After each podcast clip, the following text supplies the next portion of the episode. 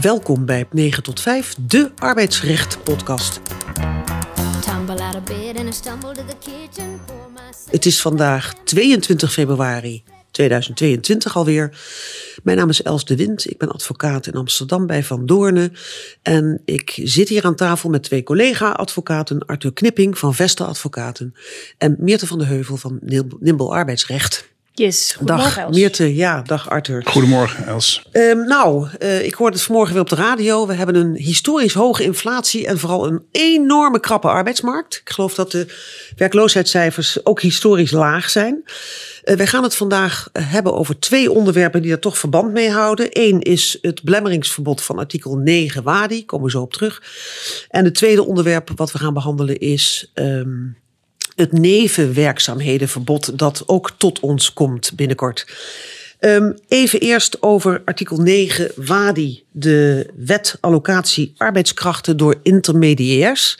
Wat zegt artikel 9? Heel in het kort zegt als je als een detacheerder iemand detacheert bij een, andere, bij een ander bedrijf, moet ik eigenlijk zeggen, dan mag deze detacheerder, de werkgever, mag geen belemmering opwerpen voor deze persoon om na de detachering in dienst te treden bij dat andere bedrijf. Dat is in het kort waar het over gaat. Uh, Meerte, kun jij daar iets meer over vertellen? Ja, zeker. Want de WADI die je aanhaalt staat voor de wet allocatie arbeidskrachten door intermediairs. En is implementatiewetgeving uit de Europese uitzendrichtlijn. En dit artikel 9a van de WADI, daarin is dus het zogenaamde belemmeringsverbod opgenomen. Hè, wat erop neerkomt dat ieder beding nietig is waarbij je die gedetacheerde arbeidskracht of de arbeidskracht belemmert om na afloop van die ter beschikkingstelling in dienst te treden bij de inlener. En zoals jij al zei, Els, dat kan wel eens voor uitdagende situaties leiden, omdat, als je kijkt naar artikel 9a, er een tweedeling in zit. Lid 1 zegt dat je die belemmeringen niet mag opwerpen en lid 2 geeft aan wat de gevolgen daarvan zijn. En dat is een nietigheidsclausule.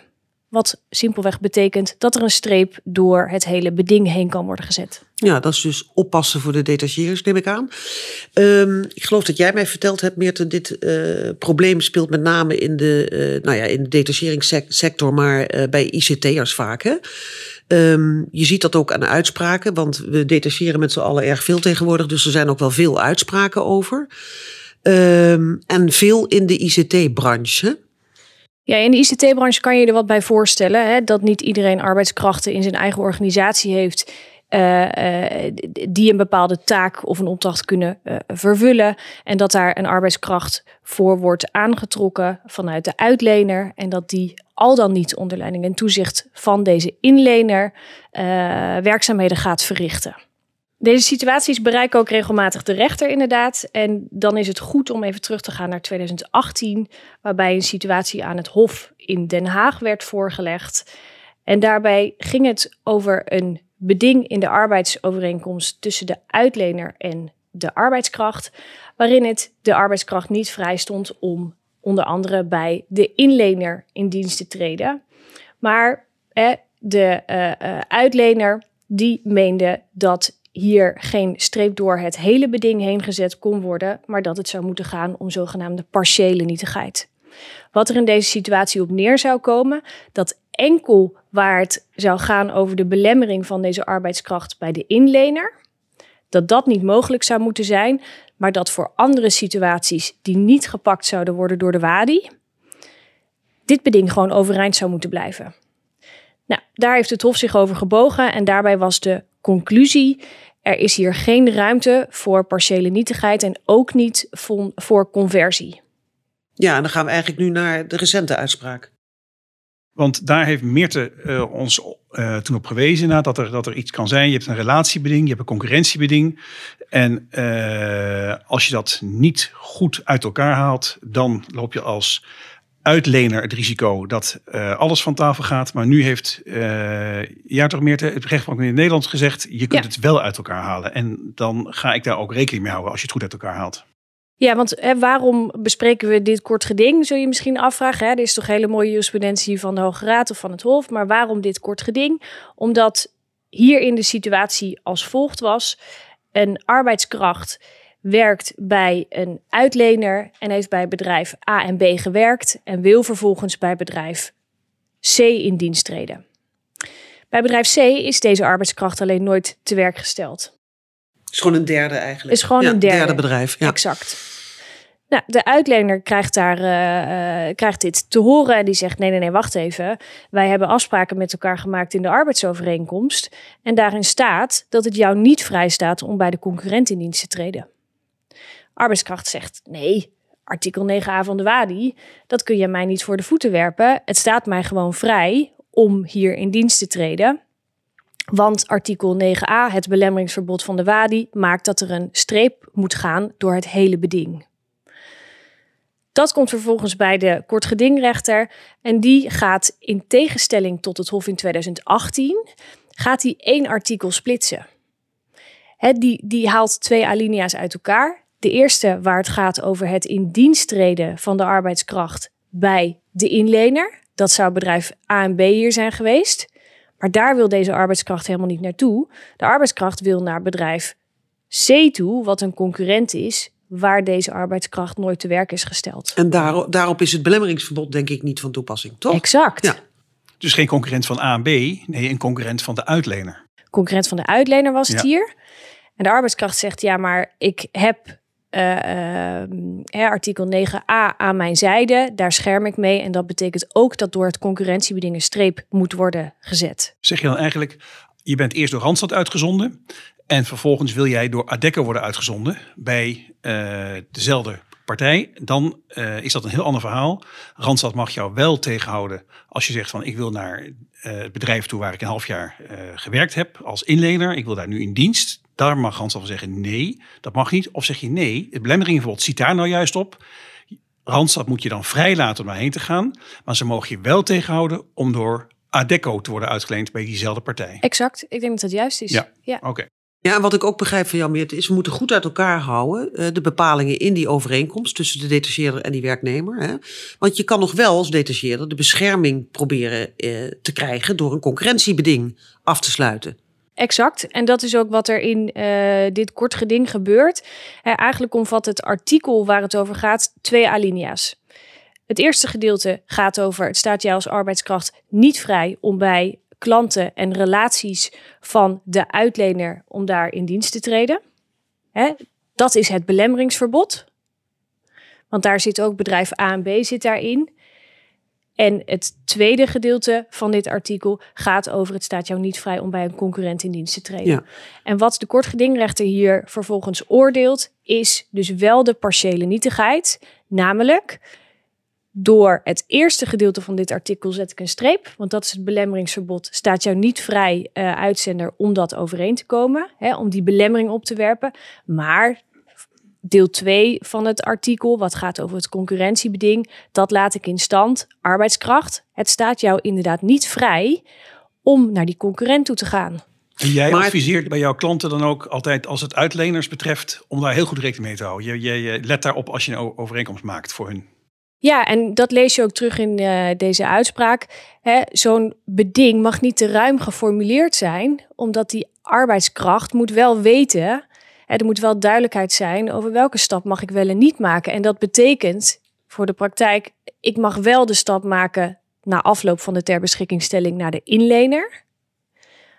Ja, maar het mag niet ik. mistig blijven eh, eh, dat dat wel is toegestaan, sorry, maar dat het niet is toegestaan om bijvoorbeeld naar de concurrent te gaan. Ja, nog een ander punt wat jij schetst, dat jij schetst, eh eh, Meerte, is eh, tip voor de praktijk eigenlijk. Probeer die bepalingen uit elkaar te halen om het risico zoveel mogelijk in te perken dat de bepaling, hè, eh, dat een belemmeringsverbod onder 9a WADI zou opleveren, dat die niet helemaal van tafel gaat. Ik denk dat je daar verstandig aan doet, ja. Ja. Om dat risico te minimaliseren. Anderzijds snap ik ook dat je als uitlener denkt, ja, maar ik wil ook niet te duidelijk misschien zijn hè, naar de arbeidskracht. Dat het dus op grond van de WADI wel is toegestaan om dan rechtstreeks bij de, bij de inlener in dienst te treden. Dat is denk ik het spanningsveld waar de praktijk mee te kampen heeft. En je kunt toch ook nog steeds een vergoeding afspreken. Op het moment dat je zegt, ehm, jij gaat die overstap maken. Mits die vergoeding redelijk is, dat staat ook in die WADI volgens mij. En jij kunt aantonen als uitlener, ik heb jou opgeleid, ik heb jou uh, ik heb voor jou gezorgd. Uh, als je die overstap maakt na een redelijke termijn, dan mag je die stap zetten. Of moet je toch bevreesd zijn als uitlener, denk jij? Nou ja, dat is een andere contractuele uh, relatie waar je die redelijke vergoeding mag afspreken. Ja, van het bedrijf waar die in dienst precies, dan toch? Ja. Dat speelt tussen de uitlener en de inlener. Je mag niet aan de, aan de arbeidskracht vragen, net, maar wel aan de partij waarbij zo'n uh, arbeidskracht in dienst treedt. Ja. Precies. Ja, want op het moment dat je dat natuurlijk in de arbeidsovereenkomst zou zetten met de arbeidskracht, dan zou dat een indirecte belemmering zijn. Ja, eens. Natuurlijk is de vergaren van een vergoeding een belemmering. Dat is helemaal waar. En wij hebben het steeds over arbeidskracht. Vind ik altijd een beetje een raar woord. Maar omdat we een beetje uh, op die balans zitten tussen het werknemers en ZZP'ers. Die WADI geldt voor allebei. Ja. Uh, dus ook al word jij als, als zelfstandige dus ergens aan het werk gezet. Dan word je geacht als zelfstandige dat zelf in te vullen. En uh, tegelijkertijd vereist die WADI dat je onder leiding en toezicht hebt gestaan om onder die rijkwijze te vallen. Ja, want Dus jij dat zegt, Arthur, let op, want het geldt ook voor de ZZP'er. Ja, Ja. het geldt voor ZZP'er. Waar we altijd van weten, oh, maar die moet heel vrij zijn. Die moet zijn eh, eigen spullen meenemen. Die, mag, eh, die wordt niet doorbetaald bij ziekte. Dat is een heel zelfstandige man of vrouw. En tegelijkertijd moet hij dus onder eh, toezicht staan om onder die rijkwijd van die WADI te vallen. En we hebben ook uitspraken gezien, daar gaan we het niet per se vandaag over hebben, geloof ik, dat die WADI van toepassing is op ZZP'ers. Ik vind dat een wordt heel breed uitgelegd, hè? Ja, Een hele ruime formulering. en dat komt waarschijnlijk weer omdat Europa geen, eh, waar, waar die waarde natuurlijk vandaan komt uit die Europese richtlijn, geen onderscheid wil maken tussen werknemers en ZZP'ers, maar het steeds heeft over de arbeidskracht. En dat zijn we dan maar over gaan nemen, denk ik. En dat daar dus een, een heel scala onder valt die een beroep toekomt op het belemmeringsverbod van de WADI. Nog even een ander punt, hè? want als ik de wet goed lees, dan staat er ehm, eh, ook heel nadrukkelijk wanneer het belemmeringsverbod geldt. Hè? Ja, en dan, dan doe je denk ik op eh, het, het, het ene vereiste is wat Arthur net aanhaalt, onder leiding en toezicht. Hè? Dat eh, als je de trechter vo- volgt, dan moet je daar in ieder geval aan, eh, aan voldoen. En het andere punt is inderdaad dat eh, dat belemmeringsverbod pas na afloop van de ter beschikkingstelling iets kan doen, hè, de arbeidskracht kan gaan beschermen. Dus de arbeidskracht die tijdens een ter beschikkingstelling rechtstreeks bij de inlener in dienst wil treden, ja, ehm, die komt geen eh, bescherming toe op grond van het belemmeringsverbod. Ja, want uiteindelijk is die waarde natuurlijk bedoeld om die eh, arbeidskracht te beschermen. En dat we willen dat mensen steeds minder flex, maar steeds meer vast gaan werken. Dus dat, dat, dat is natuurlijk het doel. Vanuit de uitlener bekeken wil je dat natuurlijk helemaal niet bewerkstelligen. Want jouw business case is immers mensen uitlenen op flexibele basis. Maar de, de Europese wetgever wil steeds meer dat wij eh, mensen vast in dienst gaan hebben. En dus ja, die trucjes eigenlijk niet mogen toe gaan passen. Ja, ja, en als je, dat is leuk dat je dat aanhaalt, want als je terug gaat kijken in de stappen die de WADI heeft gezet door de jaren heen, dan zie je ook dat de discussie komt een arbeidskracht die een overeenkomst heeft voor onbepaalde tijd met de uitlener, kan die nu eigenlijk wel een beroep doen op de WADI? Hè? Die vraag. eh, Want die zit eigenlijk vast, bedoel je? die Maar heeft al de- een arbeidsovereenkomst voor onbepaalde tijd. Ja, Eh, nou, die hobbel hebben, hebben we inmiddels genomen. Dat ook daarvoor artikel 9a open staat. Ja, ik ben schek, hè? want die werknemer wordt beschermd. Die kan, ik zeg even kinderachtig, zijn hypotheek gaan vragen bij de bank. Want die heeft een overeenkomst voor onbepaalde tijd bij zijn eh, uitlener. Ja. En toch komt hij een beroep toe om die overstap te kunnen maken naar het bedrijf waar die ingeleend is. Ja, hoe ruim dat dus is. hey, maar eventjes ehm, afsluitend. Ehm, als ik dus een detacheerder ben, dan heb ik nog wel wat eh, beschermingsmechanismen. Namelijk goed concurrentiebeding. En liefst eh, afgescheiden in de overeenkomst opgenomen. Hè? En dan de tweede zou ik zeggen, maar Arthur noemde het al, is eh, kijken of je een, eh, boetebepaling kunt opnemen. Hè, de boete voor degene bij wie de, de gedetacheerde arbeidskracht of de werknemer hè, van de detacheerder dan straks in dienst komt of ingeleend wordt. Ja, als je het dan bedoelt een redelijke vergoeding tussen Ja, de vergoeding. Ja, uitlener en de ja. inlener, dan eens. En ik zou zeggen, een goed concurrentiebeding. Ja. eh, ja, maar zorg dan dat je splitst wat de arbeidskracht kan richting de inlener. dat, je daar, Ja. dat je dat niet op één hoop gooit. Want dan loop je dus het risico dat daar een streep doorheen gaat. Gehele nietigheid. Ja. Ja. ja, goed. Nou, hartstikke mooi. Zullen we naar het tweede onderwerp gaan? Dat is dan eh, het nevenwerkzaamhedenverbod. Ja, we hebben dus net eh, eh, die WADI, die is, het artikel dat we bespraken, komt uit de uitzendrichtlijn. Maar er komt tegenwoordig steeds meer wetgeving uit Europa. Dit is dan de richtlijn Transparante en Voorspelbare Arbeidsvoorwaarden. Prachtige naam. Eh, die is in 2019 volgens mij opgesteld en wij moeten die binnenkort, maar daar komt Arthur zo nog over te spreken, moeten we die geïmplementeerd hebben in Nederland. Maar wij gaan met name, eh, na een korte inleiding over deze richtlijn, gaan we het hebben over dat nevenwerkzaamhedenverbod. Eh, ja, een beetje ook, hangt een beetje aan tegen het onderwerp wat we net bespraken. Arthur, zou jij iets meer kunnen vertellen over de richtlijn? Ja, Els, daar kan ik iets over vertellen. We zijn er trouwens wel vroeg bij. Hè? Het is pas 1 augustus 2022 dat dit speelt. En we zitten nu in februari. Wat is er aan de hand? Ehm, in lijn met wat we net bespraken, die flexibele werknemer die moet meer bescherming hebben, vindt Europa. Dit is er ook eentje van. En eh, wat zegt nou die richtlijn betreffende transparante en voorspelbare arbeidsvoorwaarden? Die zegt je moet weten waar je aan toe bent als eh, werknemer. En ook moet jij weten dat ehm, de werkgever jou af en toe in je arbeidsovereenkomst zegt: het is verboden om naast het werk voor mij nevenactiviteiten te gaan doen. En wat is dat dan? Waarom is dat dan? Nou, die eh, werknemer tegenwoordig heeft vaak een combinatie van, van jobs, van banen. ehm, en dan moet het zo zijn dat je als werkgever alleen maar op het moment dat je heel nadrukkelijk aan kunt geven waarom dat dat verboden is, dat je niet meer naast je normale baan eh, nog andere werkzaamheden mag uitvoeren. En dit is maar één onderdeel van die, eh, die richtlijn. Er spelen nog veel meer dingen. Daar gaan we vandaag denk ik niet helemaal op in. Het is nog lange tijd tot augustus. Daar komen we nog op. Dus de gedachte van die richtlijn is: ehm, zorg dat die werknemer in die flexibele omgeving, die oproepkracht is, die, die echt soms niet goed weet wat zijn nou mijn rechten en plichten, dat die beschermd wordt. Het is eigenlijk een beetje zoals in Amerika. Hè? Het komt een beetje over waar je, zeg maar, over de oceaan. Want daar is het al veel langer zo dat eh, mensen veel verschillende Meerdere banen, banen ja, naast elkaar hebben. En eh, ja, ik vind het wel interessant dat dat nu dan ook uit Europa zo, hè, dat het die wetgeving komt. Het is interessant, maar ook misschien eigenlijk geen goede ontwikkeling. Want dat mensen twee of drie banen nodig hebben om te kunnen eten, dat is nogal pittig. Hè? Dat is ook zo, ja. Ehm, Vroeger had je één baan en deed je alles mee. Nu moet je dat dus combineren. Ehm, Maar we kunnen ons wel afvragen of überhaupt dan, hè, de inzet is flex naar vast. Maar ik vraag me eigenlijk af of dat nog wel haalbaar is. Hè, als je deze ontwikkeling ook ziet. Maar ik heb nog een ander daarover. Als we kijken naar, naar de volgende generaties. Dan willen die dit zo. Precies, hoe is de behoefte hè, van, Ja. van de huidige arbeidskrachten? Willen die meerdere banen combineren? Nou ja, ik, ik hoor het wel veel meer. Ja. Nou, we, eh, we zitten hier aan tafel bij, met, eh, met Hidde. En die zegt, ehm, ik vind het juist heel leuk om verschillende professies uit te oefenen. Die is en eh, aan, in het onderwijs bezig. En als, als technicus geeft hij allemaal tips en als business developer aan startende bedrijven.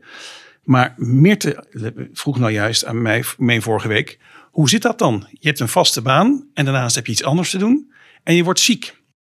Wat ga je dan doen als arbeidskracht? Geef je dan de voorkeur aan de een of het ander? En hoe zit dat dan juridisch?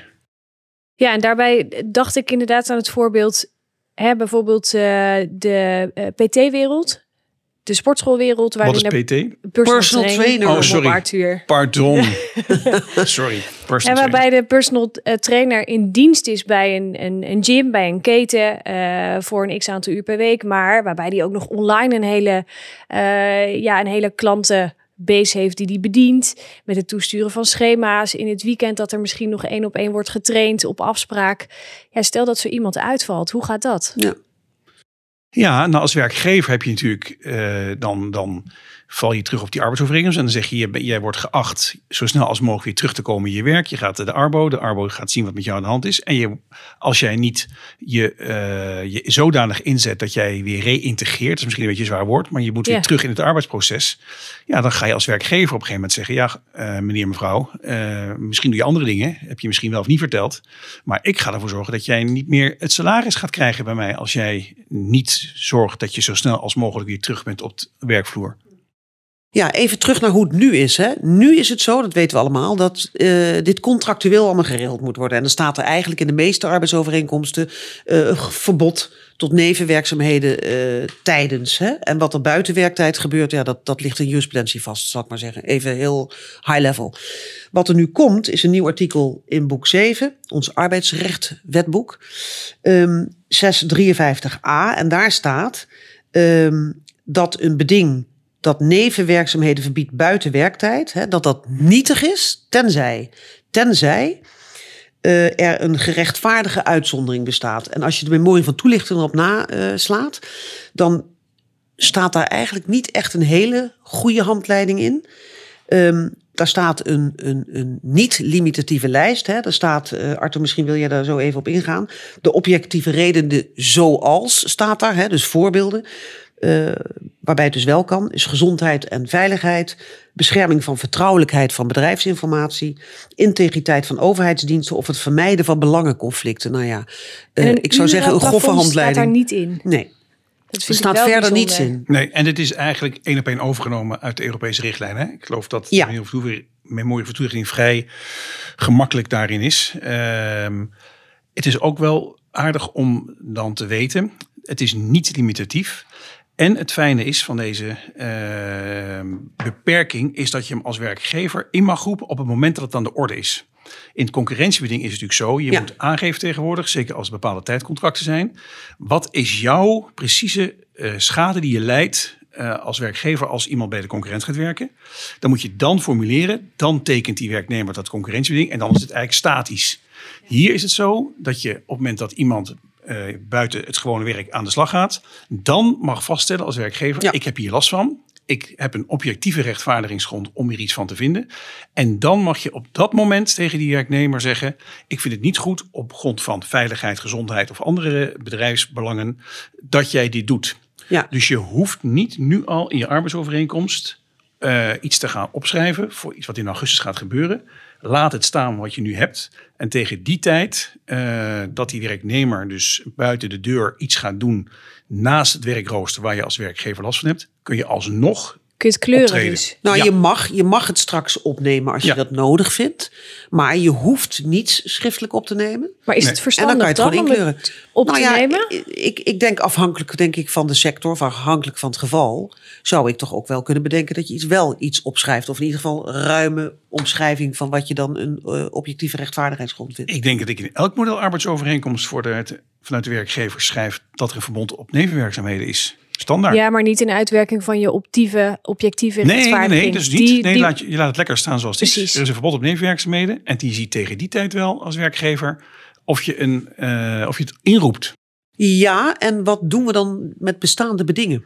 En besta bestaande nou, meestal, bedingen bedoel ja. jij nevenwerkzaamheden verboden? Ja, want zoals we net al zeiden, de meeste uh, nevenwerkzaamheden bedingen zijn gewoon vrij algemeen. Hè? Staat in de arbeidsovereenkomst, nevenwerkzaamheden zijn verboden. Ja, of je vraagt even toestemming. Ja, of je moet toestemming vragen. Dat is het. Ja. Maar wat doen we daar dan mee? Ja, voor wat we nu begrijpen, uh, is dat je die gewoon moet laten staan. Dat het het meest verstandig is. En dat je tegen de tijd dat het zich aandient, dus als ook pas na augustus, dan uh, heb je mogelijk een beding staan dat nietig is. Hoef je niet bang voor te zijn. Want uh, op het moment dat jij erop beroept, gaat dat pas spelen. En op het moment dat je als werkgever zegt: Ik wil niet, werknemer, dat jij die nevenactiviteiten gaat uitvoeren of blijft uitvoeren. Dan moet je een objectieve rechtvaardigingsgrond hebben om ervoor te zorgen dat het artikel niet nietig is en dus gelding heeft ten opzichte van die werknemer. En we zeggen dus, je moet het nu niet in je arbeidsovereenkomst al opnemen. Dan kun je tegen die tijd precies op maat maken. En het voordeel is dan dat je ook dan heel precies kunt aangeven, dit is mijn specifieke belang. Want deze werknemer, je hebt misschien wel 30 werknemers, maar die ene gaat iets doen waarvan je zegt, ja, maar dat is in strijd met mijn bedrijfsbelang. Of jij kunt daar in je gezondheid worden geschaad. En dat kun je niet van tevoren al weten. Pas exact. maak het ja. op maat. Maar um, dan zeg je dus ook, ga niet zitten bedenken straks uh, om in de arbeidsovereenkomst alvast de contouren van wat jij als werkgever een objectieve rechtvaardigheidsgrond vindt te omschrijven. Ja, ik kan, kijk jullie ondertussen even aan, maar ik kan mij voorstellen dat je daarmee wel onnodig risico loopt dat je de nietigheid krijgt over het hele beding.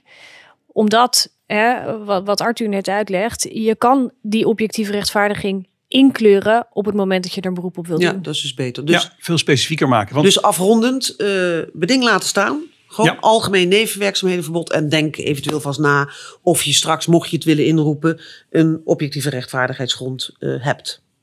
zo is het. Afhankelijk van de situatie die zich dan voordoet. Ja. Ja, En kunnen we dan als slot nog even meedenken aan de situatie voor die PT'er?